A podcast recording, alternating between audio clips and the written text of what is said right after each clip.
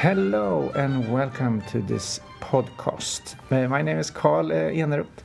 Uh, I'm an online program director at IFL Executive Education at the Stockholm School of Economics. Today we're going to talk about branding beyond communication. And with me today I have Mats Georgson. Hello, good morning. Good morning. And uh, he is working in our in-company program with Permobil, for example, and also has a PhD from the University of Connecticut and I spent some 10 years as a part-time professor and worked uh, extensively with uh, companies like Ericsson. So, uh, what is this? Well, uh, I think branding very often is uh, something that people think is communications and coming up with slogans and uh, nice logo types and stuff like that. But in my experience, I think that the sort of defining moment was when I was with Ericsson Mobile Phones as the global brand manager. And we spent a ridiculous amount of time thinking about advertising, slogans, and communication issues. But in the end, we at that time, the problem was people didn't want the phones. They were just not the right phones for the right uh, target groups. So I started thinking, like, why uh, is branding supposed to spend so much time on things that have marginal importance to, to the business situation? And that changed my thinking about branding quite a lot. So I think it's much more about prioritizing where does it actually matter uh, for the customer. Is your brand really built on things that matter to people? Uh, is it enough of a difference to make you popular among your target group? And what are the processes to get there? That's what I do today. Okay, so let's uh, think about more. You said it changed your thinking from what to to the to next phase? Well, when I was still in high school, I was completely enamored by advertising. I thought that was uh, awesome how that could work magic and create brands like the sort of old school examples. But gradually, as I um, got my PhD, I got involved in more and more strategic issues. I started seeing that the limitation of communication uh, is there. It's it's a great tool to leverage uh, something that you can build a brand on. But the essence of building a brand is very seldom in simply having more creative, more fantastic communication than the than the next company that you're trying to beat. Most often, if you look at what actually creates demand, is meaningful differences in in one way or another to what the company is offering uh, what kind of products or services you do, how you make them a little bit different to suit specific target groups that you perhaps are not trying to cater to everybody, etc. That's more the central branding issues. But it still has to be communicated, those differences. Yes. Uh, if you do uh, the foundation right, communication is a great leverage. But you can't sort of say, communicate away uh, deficiencies in differentiation in what you actually offer. Could you give an example of when it's not working? Yeah, I think, um, for instance, one can look at uh, the sort of nice example of Apple historically, when they had tremendous innovation built into their product development. But now, the last maybe two years, people are starting to question whether that success will continue.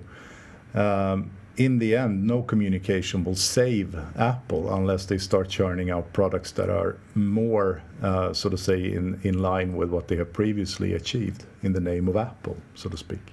Mm, so innovation still has to be at the core. Yes, innovation is a branding process, I think. Because uh, if you just sit down and tell a lot of people in your company, no matter how bright they are, and just, just innovate, just come up with some new stuff, it's the equivalent of telling people uh, just work harder. None of those work, but that's very often how branding strategies also uh, seem to uh, work these days. That it's just a bunch of uh, nice words on a paper, and uh, people just uh, hear from that work harder or think smarter. But it's more like, you know, what are we trying to achieve? What should we focus on? The more you can take away the more you can actually focus and, and get something uh, really interesting done. You mentioned innovation is a branding strategy. Could you expand on that? Well, uh, historically, people think branding, oh, Coca Cola, but that's actually a very, very rare case of something where the product just won't change much. Any company that has exposure to technology, whether it is in the product itself or in production technology, must deal with innovation and keeping pace. And very often, as you know, commercial success will be dependent on that. So, the, so if you want to take a branding perspective, use branding to lead the way in an innovation. In what way can that be done? I think part of it is to have a sharper uh, brand strategy. A lot of companies spend a lot of time on, so to say, corporate strategy in one form or another. Like, what should we invest in? Where should we put our manufacturing? Uh, what kind of logistics do we need, etc. But all of that comes from the inside uh, branding is from the outside. What are we to customers, and how can we develop that even further to our advantage, of course? But if you look at it from an outside perspective, you can come to very different uh, conclusions than if you just look at it from the inside and out. So it's an outside in perspective? Yes, it's basically business strategy outside in. Based on what the customers would need, or? Yeah, so if you sort of add the uh, prosumer idea here that the consumers are actually designing the products. Everything that is in the whole two-way perspective, uh, that includes also social media. I think sometimes we draw the wrong conclusion. What you have to do in this uh, climate where people can interact with the company is that you need to send a strong signal what you uh, what you're all about because if you do that, you get social media, so to say, for free because people will want to uh, talk about it. If you want to use uh, prosumers, uh, your best consumers in your product development processes, you got to send out a strong signal what you're about because otherwise, why would people care about you? So even there, you can see that you need a very good branding strategy to be able to get that kind of interest from the outside.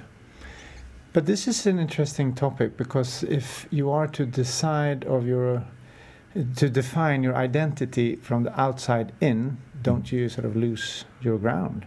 I think another misconception is that you need to market research everything you do. You don't. Uh, most successful companies actually are interested in their customers and they listen to them, but they don't do what they tell you to do. They they are more run on visions. Like you know, like most entrepreneurial things uh, and things that really uh, drive the uh, innovation, it's built more on vision and confidence that we know more about what can happen. So we're going to build that future rather than just listening to people and uh, and doing what they tell you to do, which is very often what they uh, what was new two years ago. Mm-hmm. So the the consumers are not that for don't have that foresight. That's your word. No, they don't, and I think. For instance, in Sweden, we have a lot of uh, categories that are run by oligopolies, uh, where, where uh, you have a, a, few dominant players that just simply divide the market. Their behavior can be kind of passive and just listening to, to customers because it kind of stifles competition because then uh, consumers don't see anything new uh, happening in that category. So that can be in, in their interest. But for, for most companies in most categories, when you're under competitive pressure, you need to lead the way uh, towards some uh, customers and do what is right for them, even if they don't know it right now. Otherwise, you will lose. So, branding beyond communication, what is that? I think it's simply this that um, communication can be a great tool to build brands, but I would say that on average it's maybe 20% of the formula, uh, not 80%. And I think that most people uh, think still that communication is absolutely central to branding. And I would say that it's not, it's important, but it's not the, the central thing. So, uh, why is this so important then? Because um, for instance, if you look at Sweden, uh, most our, of our exporting companies have a long history of selling uh, good quality products at a higher price and competing against companies that are maybe 10 or 20 or 100 times bigger than themselves. We see now that, of course, a lot of the competition has caught up with our, so to say, formula of uh, good engineering, good quality. So what remains are some soft factors that still uh, manage to take in, a, you know, between say 5 to 10% added margin. And I think uh, branding beyond communications is the equivalent of open that black box, look at what is really creating uh, this success for the company, take it as seriously as any hard production issues, and uh, and try to develop it. And what parts are there in this black box? I think it can be uh, for instance, of course, your product development. How well does it fit? How well does it fit your your the perception of your company? It can be your employees. Like how do you train them? How do they tell a very coherent story and, and sort of keep the the magic of your offer alive? And it can be um, other things that are sort of outside the sort of uh, um, more like in services and added value, uh, and also, of course, communication. And it's the mix of these things, and that you send the, the same signals across the entire company that's branding beyond communication, so to speak. It's a cultural issue. Yes, uh, I would say that it is cultural, but I think that it's also more strategic than many companies then tend to believe it has to be because just simply asking, for instance, all the employees, like what kind of corporate culture do you think we should have in the future, is is fairly silly, frankly, because it's not. Uh, it's not about voting about values. It's about understanding like how can we create more success in the marketplace and getting people aboard to understand what that is. That's the real culture. Could you give an example of that of someone who has done it really well I think it was, uh, uh, for instance, I was uh, I had the privilege of uh, uh, helping Sony Ericsson, or, or, rather, I was working there. I was the global brand director when that company started out of Ericsson and Sony. And I think that we did some things right in the beginning. We created a, a brand that was not Sony plus Ericsson, it was Sony Ericsson. We defined it and we managed to get a much closer cooperation between product and, and marketing communications uh, and so forth. And it was a very good foundation. Um, and then, um, of course, there was a there were a few really good years for Sony Ericsson after that and uh, I'd like to think that that was uh, part of uh, of uh, what created that. Yeah. What are the uh, potential pitfalls that you see? One is uh, silo thinking. that, for instance, communications often get to write up the vision because the annual report needs one. HR takes care of culture, um, and that gets decided by voting. And then uh, communication, there's a brand platform that has nothing to do with the former two.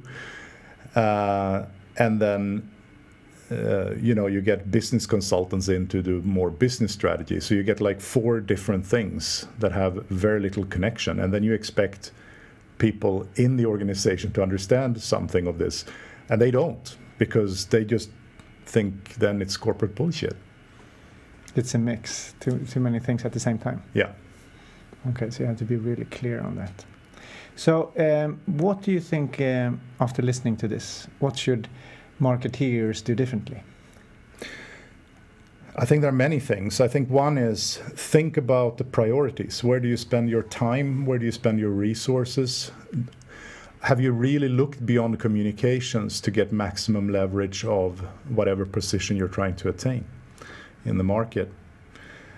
Uh, I think another one is to think is this differentiating enough, or are you simply communicating category benefits? A lot of things, uh, whether it is in, in product or in communications or in culture, tends to be very category generic. Like you're a bank, so you talk, you talk, and you have a culture, and you have products that are very bank-like.